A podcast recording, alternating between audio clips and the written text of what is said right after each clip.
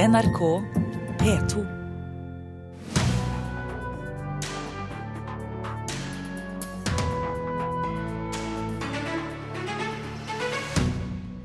Reality-programmer sliter med å få gutter til å delta, mens jenter gjerne vil på TV. Leonardo DiCaprio er Oscar-favoritt for en rolle som kritikere mener ikke er hans beste. Fra filmstjerner til Michelin-stjerner, ekspertisen er samlet i Fredagspanelet for å diskutere restaurantguide, museumsskandale og russelåter. I Kulturnytt i Nyhetsmorgen i NRK. Flere TV-produsenter sliter med å få unge gutter til å delta i reality-programmer. Unge jenter har mye oftere lyst til å være med. Psykolog Hedvig Montgomery sier det er viktig å vise gutters væremåte på fjernsyn for likestillingens del. Til den nye sesongen av Teenage Boss er bare 25 av rundt 150 søkere gutter. Karim er 16 år og bor på Ammerud i Oslo sammen med moren Marianne. I disse dager forberedes en ny sesong av realityserien Teenage Boss, og prosessen med å finne deltakere er godt i gang. Problemet er bare at nesten ingen unge gutter har søkt om å få være med. Det sier castingansvarlig Sara Hjartholm. Nå er jo dette tredje sesongen som vi eh, skal lage Hindersboss. Eh, og det har jo vært gjennomgående i alle sesongene at det har vært lite gutter som har søkt. Nå er det sånn kanskje 150 eh, til sammen som har søkt, og av de så er vel 25 gutter. Og det er jo ganske liten prosent, vil jeg si. Teenage Boss er heller ikke alene om å ikke finne nok gutter. Flere castingansvarlige som NRK har vært i kontakt med, bekrefter at det er vanskeligere å få med unge gutter enn jenter til realityserier. Jeg må alltid være flink, fordi jeg ikke har utseende å spille på. I TV 2-serien Sykt perfekt får vi et innblikk i livene til fem unge jenter, og utfordringene de møter i en hverdag som forventer at du skal være perfekt i alt. Kanalen ønsket ungdommer mellom 15 og 25 år av begge kjønn til å søke på programmet. Men av over 400 søknader var kun fem fra gutter. Psykolog Hedvig Montgomery har bistått utallige castingprosesser til norske TV-serier, og hun tror det er flere årsaker til at få gutter vil på TV. Det ene det handler om, er at gutter er senere modne, og derfor bruker lengre tid på å vise seg frem og føle seg trygge nok til å vise seg frem. Det andre er at vi har eh, med årene laget et samfunn hvor jenteverdier skal løftes frem.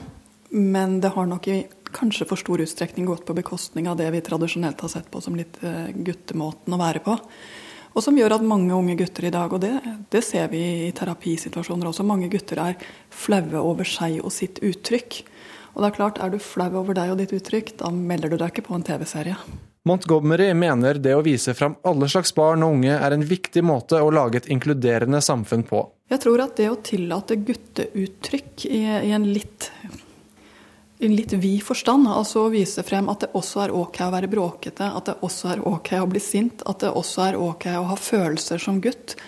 Det tror jeg er viktig for, eh, for eh, likestillingen fremover. Sara Hjartholm er enig i at få gutter på TV er et problem. Da får vi ikke på en måte vist mangfoldet og bredden i det vi skal, da.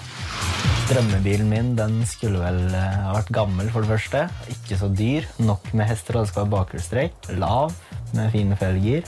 Det har gått fire år siden Karim Alexander Bogasha som 16-åring var med i første sesong av Teenage Boss. Han tenkte ikke over hvordan han ville bli oppfattet av å bli med på programmet. Jeg bare meldte meg på, jeg.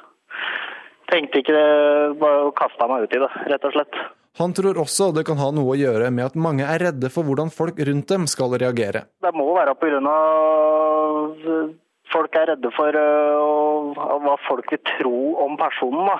At uh, de er ute etter oppmerksomhet med å komme på TV. og Kanskje litt redde for å drite seg ut på realityshow og det, da.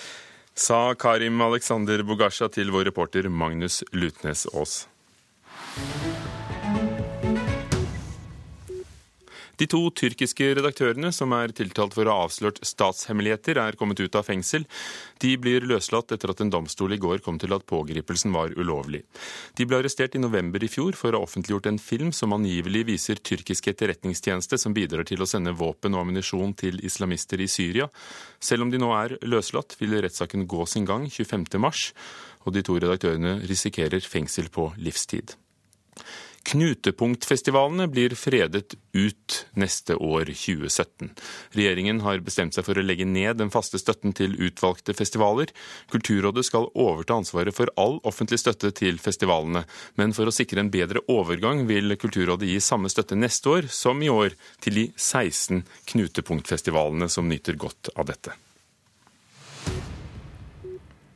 Søndag samles hele verdens filmbransje til årets største utdeling, det amerikanske filmakademiets priser, Oscar-statuettene.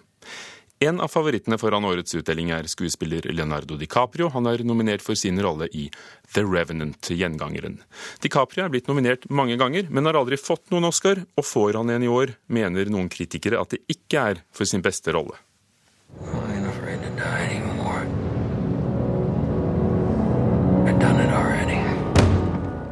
I filmen The Revenant får vi se Leonardo DiCaprio puste og pese seg gjennom den amerikanske villmarka, der hans eneste mål er å overleve. Men hva vil egentlig DiCaprio i The Revenant? Handler det om overlevelse, eller handler det om å endelig vinne denne Oscaren? I de fleste kåringer av DiCaprios beste filmer når ikke The Revenant inn blant topp fem. Denne rollen, derimot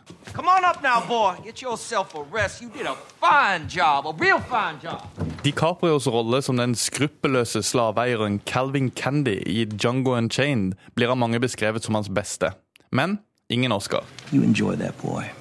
Det er ikke første gangen Oscar blir utdelt for en rolle eller en film som ikke er vinnerens karrierebeste. Ja, definitivt. Det finnes det flere gode eksempler på. Det sier filmpolitiets Birger Vestmo. En skuespiller som Al Pacino hadde jo en kjempekarriere gjennom eh, hele 70-tallet og store deler av 1980-tallet, men likevel så måtte vi helt til 1993 før Pacino vant en Oscar-pris. Al Pacino har selvfølgelig vunnet Oscar, men ikke for sin rolle som Don Corleone i Gudfaren. Pacino vant for duften av kvinne. Morgan Freeman har også vunnet Oscar, men ikke for filmen mange mener er tidenes beste, nemlig 'Frihetens regn'. Det samme gjelder kjente skuespillere som Jennifer Lawrence, Denzel Washington og Kate Winslet. Regissørene blir heller ikke spart. Martin Scorsese vant f.eks. Oscar for The Departed. En god film, men få vil mene den kan sammenlignes med mesterverket Taxi Driver. Nei, Robert De Niro, jeg snakker ikke til deg. Jeg snakker til filmpolitiets Birger Vestmo. Hvis Leonardo DiCaprio vinner prisen, eh, Oscar-prisen for uh, The Revenant, er det sånn at han får den prisen litt for at han fortjener å få en pris? Det kan godt hende at det er det som uh, skjer. For DiCaprio har vært en av vår tids største filmstjerner helt siden tidlig på 90-tallet, og han har gjort mange solide roller og vært eh, nominert for eh, flere av de, men aldri vunnet en Oscar. Så det, det kan hende at det er hans tur i år. og det er ikke sikkert at det er bare folk som oss som tenker det, men også de som er medlemmer av Oscar-akademiet. Eh, han har vunnet Golden Globe-pris, en BAFTA-pris, en Screen Actors Guild Award. Så om han ikke vinner en Oscar natt til mandag, så vil det faktisk være litt overraskende nå. Sa Birger Vestmo, filmkritiker i NRK, til Daniel Eriksen. Inger Merete Hobbelstad, filmkritiker i Dagbladet. Tror du DiCaprio vinner, og er det vel fortjent? Ja, akkurat nå så er det bare de mest sånn innbitt motstrømsrebellene som tror at det er noen annen som kommer til å vinne for beste mannlige hovedrolle. Eh, det er som det blir sagt her, DiCaprio har vært nominert fire ganger før. Han har da også gått iherdig inn for saken ved å velge en rekke slike eh, kompliserte roller som gir deg anledning til å leve ut et kjempestort register, og som er sånn typiske roller som eh, Oscar-akademiet belønner. Burde han ha vært nominert for andre, eller vunnet for andre roller før, egentlig? Er det et plaster på såret eventuelt? For min del kunne han godt vunnet for den fantastiske lille birollen sin i Django Unchained, eh, f.eks. Eh, man kan lure med DiCaprio om det litt sånn eh, partyprins og fløtepusstempelet fra 90-tallet har hengt ved ham veldig lenge, selv om han jo har vært en veldig solid og uredd skuespiller hele veien. Men det er ham uansett vel unt hvis, eller kanskje man nesten kan si når, han får statuetten i helgen. Så står vi her og snakker om Oscar igjen, som uh, hvert år over hele verden. Samtidig deles de franske Cæsar-prisene ut i kveld. De europeiske filmprisene nevnes knapt. Vi snakket knapt om hva som skjedde i Berlinalen i år. Hvorfor får Oscar så enorm oppmerksomhet. Eh, Du, dette er jo Hollywoods store feiring av seg selv, og for mange så er det jo Hollywood-filmen som er kinofilmen. Altså Det er den opplevelsen det er å komme inn i kinosalen og det blir mørkt, og det skjer noe der oppe som transporterer deg inn i en annen drømmeverden, eh, som kanskje ofte har mer for seg å være storslagen og eskapistisk enn å være eksperimentell og dyptloddende, som det kanskje mer er de europeiske filmene som har tatt seg av sånn tradisjonelt eh, sett. Og altså selv om det går jo også nesten sånn sport i å se ned på Oscar før Oscar-utdelingen og snakke om ja, ja, men det er så mye kameraderi og nepotisme og eh, det betyr ikke så mye og det er aldri den beste filmen som vinner. Men når du sitter der og ser disse vignettene, og så merker du at du får det der bruset av hva, hva disse storslagne filmene makter å gjøre, da. Så jeg syns det er veldig gøy hvert år. Det er nesten som Amanda, vet du. Eh, Likevel, nå snakket vi om DiCaprio som er nominert, men det har vært veldig mye oppmerksomhet rundt hvem som ikke er nominert i år. Hva har oppmerksomheten dreid seg om? Det har vært veldig stor oppmerksomhet de siste ukene rundt kampanjen Oscar So White, som har med å gjøre at ingen av eh, de 20 som er nominerte til beste skuespiller, verken i år eller i fjor, eh, var, var svarte eller av en annen etnisk bakgrunn enn da den hvite majoriteten. Eh, Og, det, og akademiet har handlet lynraskt og sagt at de skal gjøre noe med saken. De skal endre sammensetningen i de som er stemmeberettigede. Det er jo, de er jo veldig hvite og veldig gamle og veldig mannlige, alle sammen. For dette er alle medlemmene i det amerikanske filmakademiet som Ja. stemmer seg frem til resultatene. Ikke sant, og alle tidligere vinnere og slike ting. Og så har jo det vært kontroversielt igjen, fordi folk setter jo sammen stemmeseddelen sin hver for seg, og det er folk som har vært eh, arge over å si at de er jo ikke rasister, de har bare sittet der og vurdert eh, det de har fått foran seg. Eh, Og det er nok, altså jeg tror nok ikke løsningen er så enkel som å endre sammensetningen av akademiet slik det er gjort. Altså et av stort problem er at det lages for få filmer med bærende roller som tilhører etniske minoriteter. Så det er bra de tar grep, men eh, hovedkilden til den, dette problemet ligger nok eh, lenger ned i systemet, altså. Den svarte komikeren Chris Rock skal dele utdelingen. Tror du på ham? Det gjør jeg, og når, når vi er i denne situasjonen, at en svart komiker skal lede eh, en prisutdeling som har vært veldig omstridt fordi det er så få svarte involvert i den eh, Jeg tenker jo gud, jeg er glad jeg ikke har ham. Det høres ut som en ganske vanskelig line å danse på, for samtidig skal du ikke ødelegge stemningen, ikke sant? Eller være en, en downer. Men altså, Chris Rock er veldig dreven, han har gjort dette før, han er en skikkelig skarping. Så er det noen som klarer å gå denne balansegangen, som kan klare å være litt frekk uten at det blir eh, noe som eh, ødelegger hele kvelden, så tror jeg det må være ham. Selve Oscar-utdelingen, det er jo hundrevis av priser i alle kategorier, fra beste sminke og beste catering til uh, hovedroller og filmer. Hvilken film vil ende opp som de store vinnerne? Hvilke filmer? Nei, akkurat nå ligger det jo, ligger det jo an til å være Leonardo DiCaprios eh, The Revenant, altså, laget av eh, Alejandro Iñárritu. Eh, og det er jo også en sånn film som er typisk blir belønnet i slike sammenhenger. Det er sånn megalomane menn sleper kameraet opp på fjellet og ned i tjernet omtrent for å lage et sånn storslagent, episk drama som er kjempe, kjempevanskelig å lage. Eh, og det, pleier, det er ofte litt sånn at det er den storslagne, sånn virtuose bravura-filmen som står mot kanskje mer sånn subtile, eh, relasjonelle nøkterne dramaer. Og i år er det kanskje Spotlight som er det beste. Eh, som handler om eh, opprullingen av en sexskandale hos den katolske kirke i Boston. Kjempegod film. Jeg eh, har et hjerte som er litt for den, men jeg tror DiCaprio og The Revenant kommer til å sluke dette med hud og hår. Beste utenlandske film, da? Sønn av Saul, ganske sikkert. eh, Den holocaust-filmen som for øvrig nå går på norske kinoer. En veldig spesiell, uforglemmelig eh, holocaust-film som man må ta is i magen før man går inn, men det er verdt å gå inn dit likevel. Så lite tips eh, før helgen. Inger Merete Hobbelstad fra Dagbladet, takk for at du kommenterte Oscar, som skjer søndag kveld. Takk skal du ha. Klokken er eh, snart 17 over 8 dører på Nyhetsmorgen i NRK. Overskriftene. Småkommuner som velger å stå alene, kan risikere kutt i helse, skole og eldreomsorg. Nye straffetiltak mot Nord-Korea blir de kraftigste fra FN på 20 år. Donald Trump ble angrepet for å ha ansatt ulovlig arbeidskraft i nattens debatt mellom de republikanske presidentkandidatene i USA. Og her i Kulturnytt er Fredagspanelet samlet. Velkommen, Sandeep Singh, musikkjournalist i Dagbladet. Tusen takk. Kjell Lars Berge, professor i retorikk ved Universitetet i Oslo. Si hei, du. Hei. Da kjenner vi deg igjen, skjønner du. Og Knut Olav Åmås, direktør i stiftelsen Fritt Ord. God morgen. Russelåter er en utskjelt, men svært undervurdert sjanger, mener platebransjen. Her er et eksempel.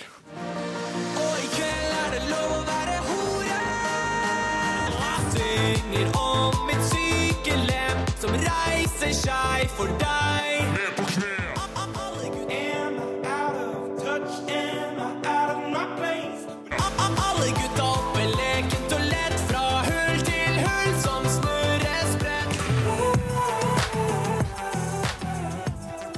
For flere av Norges eh, aller største artister har disse sangene skrevet spesielt i årets russefeiring, og, og sånn er det hvert år, vært et springbrett til karrierer innen musikk. Har vi for lite av denne typen musikk, Sander? Nei, for lite kan vi ikke si. Eh, Det, er jo, det florerer jo rundt med russemusikk, og ikke bare i russetida lenger. Kjell Lars? Nei, det vil jeg ikke si, men det er veldig hyggelig at noen kan ha suksess med det. Jeg unner alle mennesker med suksess med kulturstoff, altså. Ja, vil jeg svare. Hvorfor ønsker du deg mer av det vi hørte her? Ja, altså Ikke nødvendigvis akkurat det vi hørte her. Eh, Det, det, det er jo en del eh, vulgære tekster og en del enkel musikk. Men eh, musikk er jo alltid blitt skapt på oppdrag, ikke sant? Og, og russetida er en sånn massesituasjon der man også trenger musikk. Altså russ bruker masse penger på utstyr og, og busser. Og, og da, da er det viktig å ikke undervurdere musikken heller. Da må bransjen og enkeltartister dyrke den. Eh, russ fortjener bedre russemusikk også. Så og Det er fascinerende hvordan russemusikken har fungert som eh, profesjonelt springbrett for, eh, for en del eh, fine artister. Som musikkjournalist Sandeep Singh og kritiker, hva, hva er din forklaring? Eh, forklaring på hva? På, på hvor, hvor, hvorfor det slår an, og, hvorfor dette er springbrettet? Uh, hvorfor det slår an, er jo at det er uh, banalt fengende. Litt sånn felles multiplum-musikk basert på egentlig ganske gamle troper. Da. Det er dance, eh, ganske hjernedød dance, og eh, med, med veldig sånne enkle trekkplastre som det å prate om sex. Uh, Russefeiringa er jo ganske sexfiksert. og Naturlig at tekstene er, eh, eller dreier seg om det. Eh, Men én ting jeg har lyst til å si om russemusikken, er jo at eh, noen av våre fremste låtskrivere når det kommer til melodier, altså topplinere, de kommer gjerne fra russebransjen. Så folk som har, er skolert i russemusikkulturen og begynner å jobbe med hakket bedre tekstforfattere og produsenter, kan lage ganske god popmusikk. Som tekstprofessor Kjell Lars Berge, hvordan bedømmer du eh, de utdragene vi hørte her? Nei, jeg tror ikke jeg skal uttale meg om det i det hele tatt. Altså, jeg, jeg, jeg, også- ja, det er jo ikke all verden, for å si det sånn. Det er jo laga for å ha fest og moro og, og, og, ganske, og ha litt sex, da. Så det er liksom enkle greier. Og det er for så vidt ikke noe nytt for underholdningsmusikken. Jeg mener, vi skal vi begynne å moralisere over tekster og sånn som er laga på 50-tallet med rock'n'roll og sånn, så blir det jo ganske banalt, det også. Men nå har vi Dette er, men jeg, jeg syns det er morsomt at det som Litt innpå som det som Knurvold sier, at dette er jo Vi har jo en spesiell kultur rundt russ i Norge. Det er jo ganske unikt norsk, da. Så det er ikke noe rart at det i et sånt kulturmiljø, som russen jo er, ikke sant, en slags- karnevalisk kultur, etableres eh, kulturelle former som har eh, mulighet for å ekspandere utenfor den kulturen. Og det er jo bare spennende, selvfølgelig. I dag har vi jo da, som det heter i P3-programmet Juntafil, guttesending her i, her i Kulturnytt i dag. Men er det ikke påfallende i 2016 at eh, dette er musikk skrevet eh, 99% av gutter? Og, og, og hva sier det om, om kvinnesynet i tekstene? Ja, det er mulig at det ikke står bra til, men da får jo damene ta seg sammen da, og lage kul musikk de også. Det er massevis av jenter som syns det er, synes det er morsomt å være russ, så det er bare å sette i gang det. og La skape et eller annet spennende. Ja, det er jo eh, litt sånn at eh, man, man hører forskjellen på eh, russe, eller buss, bussene til jentene og bussene til guttene. Jentemusikken dreier seg ofte om å på en måte bevare øyeblikket og feste og samholde seg imellom, og så handler guttenes låter om, eh, om eh, puling og fyll. Ingenting nytt under solen, for å si det sånn. Denne uken foreslo Universitetet i Oslo å overta det gamle Nasjonalgalleriet og bruke det til å vise all sin middelalderkunst. De har som kjent historisk museum som ligger på andre siden av Løkka. Men ikke før forslaget ble lagt på bordet, ble det feit til side av kritikerne. Bør universitetet få overta dette Nasjonalgalleriet? Knut Olav? Ja, med et lite men. Ja. Ja. Så det er en god idé. For mange sier at dette er bygd til kunst, det bør brukes til kunst. Se på Uffizi-galleriene i Firenze, det står der hundrevis av år etter. Ja, jeg vil primært ha den gamle Nasjonalgalleribygningen eh, fortsatt som en del av Nasjonalmuseet. Eh, Det kunne til og med vært et uh, utmerka Munch-museum. Jeg tror det var Carl I. Hagen som eh, foreslo det en gang. Det ble vist Munch der for et par-tre år siden på eh, særdeles vellykka måter. Men det er jo kunst Universitetet i Oslo vil vise også da middelalderkunsten sin. Og de har Kulturhistorisk museum som ligger på andre sida av Tullinløkka. Så, og universitetet har eh, mange flere kvartaler med bygninger rundt omkring eh, der. Så det er ikke unaturlig at eh, Universitetet i Oslo er en av de aller beste og mest relevante interessentene til, til den bygningen. Men som sagt, primært ønsker jeg at den bygningen, Nasjonalgalleriet, skal fortsette som en integrert del av Nasjonalmuseet. Det ser ut til å sitte litt langt inne. så slik sett så skal Universitetet i Oslo ha honnør for nå å signalisere klart at de også ønsker seg den til middelalderkunst. Jeg, jeg syns det er en kjempegod idé. Altså, jeg er jo begeistret eh, tilhenger av eh, det som skjer i Bjørvika nå med de nye museene og ved Vestbanetomta og sånn. Altså, Oslo kommer til å bli en helt annen by når dette er ferdigbygd. og Vi kommer til å være kjempestolt av det som presenteres. Det er jo virkelig ille, sånn som mange av kunstsamlingene i Oslo har vært forvalta i mange mange generasjoner, egentlig. Og nå endelig blir det liksom ta, ordentlig, ordentlig det som blir presentert. Så jeg er det synes ikke at ille at eh, det blir liggende Jo. eh, museer eh, strødd rundt i innlandet i Oslo som er praktbygninger som eh, ikke Jo, jo, men brukes? altså, det er en veldig god idé synes jeg, å bruke det gamle Nasjonalgalleriet til noe veldig fint. Og det er å presentere all den middelalderkunsten som det er nesten umulig å få sett i Norge, fordi at den ligger nede i magasiner. Og, det er på høy tid at det kommer frem, altså. Hva er alternativet, liksom? Er det, er det sånn at lord Voldemort eller gud forby Olav Thon står og venter på å ta tak i bygget? Eller eh, Altså, da vil jeg heller at Universitetet i Oslo skal ta det. Altså, jeg synes egentlig det er nesten litt flaut at den Tullinløkka, den tomta, ennå ikke er bygd ut med et flott museum i, midten. Det skulle egentlig vært bygd, ikke sant? Det har vært mellom et de... par arkitektkonkurranser. Ja, Tre, tror si jeg. det sånn, og det, jeg mener altså Dette går langt tilbake til 1800-tallet, og det er liksom litt fælt at dette landet vårt ikke klarer å løse dette på en bedre måte og skape et veldig spennende, litt mer tradisjonelt museum i midten. og Den den flotte tomta midt i Oslo, altså. Mm. Ja, du har jo vært i Berlin eh, nå siste uka, eh, Kjell Lars, og jeg er mye i Wien. og Det er jo ikke noe problem i disse byene å bruke de flotte, staselige gamle bygningene til det formålet de opprinnelig er tenkt til. Og det er en del av, en del av kunstens historie i et land.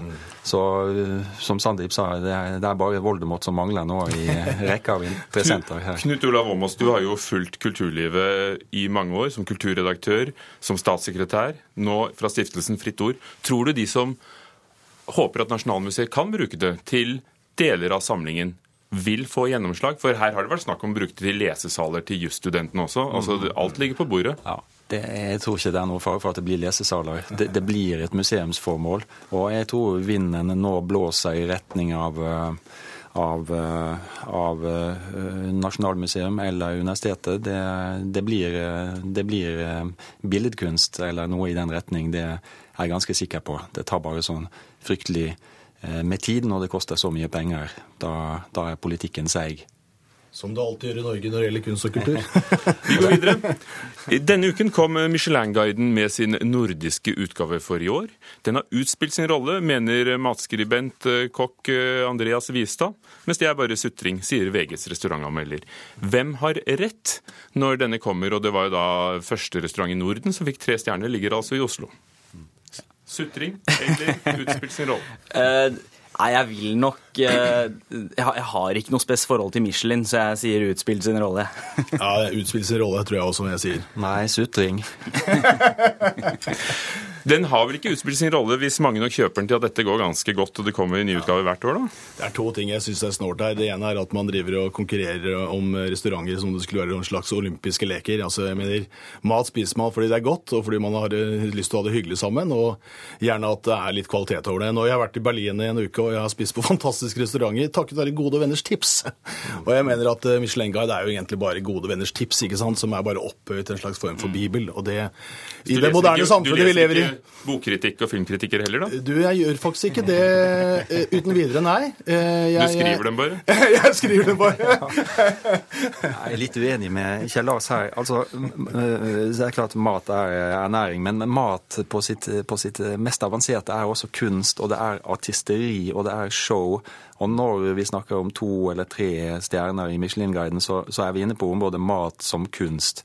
Det er ofte fryktelig dyrt, og, og det tar fryktelig lang tid å spise, selv om det ikke er så mye mat eh, ofte. Så jeg, jeg tror vi er på vei til å bevege oss bort fra denne dyrkingen av fine dining. Folk vil ha enkel mat eh, med høy kvalitet.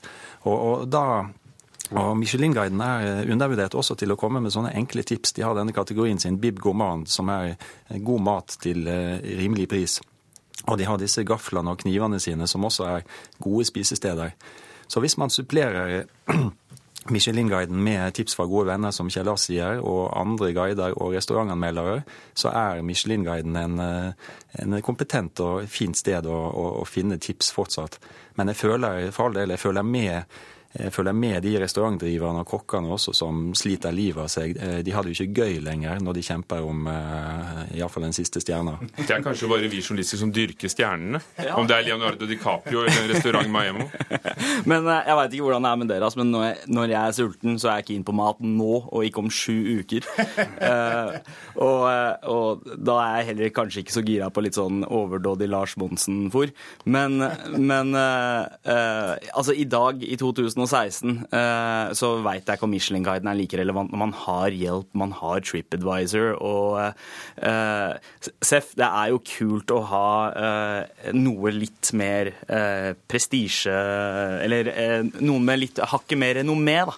Men Men hvorfor skriver du anmeldelser av plater oh, ja, når andre er mener noen, masse ting? det er fordi noen, en eller annen har ansatt meg til å gjøre det. Liksom. Jeg, jeg kunne Ja, men, godt ha skrevet i kommentarfeltene, men men altså, men eh, altså TripAdvisor er eh, Hver gang jeg bruker TripAdvisor, så, så lurer jeg på om, eh, hvor mye jeg kan stole på den. Eh, Michelin-guiden sine inspektører er kompetente, og mat er kultur, så da må vi ha skikkelige vurderinger ja, men du er jo en voksen fyr. Du kan jo lese, lese hvordan folk formulerer eh, anmeldelsene sine på TripAdvisor også. Det, det verste ved de stjernene syns jeg er prisen. Jeg tror du Ja. betale 3000 kroner for et måltid. Takk skal dere ha.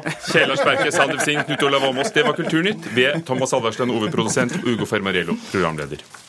Hør flere podkaster på nrk.no podkast.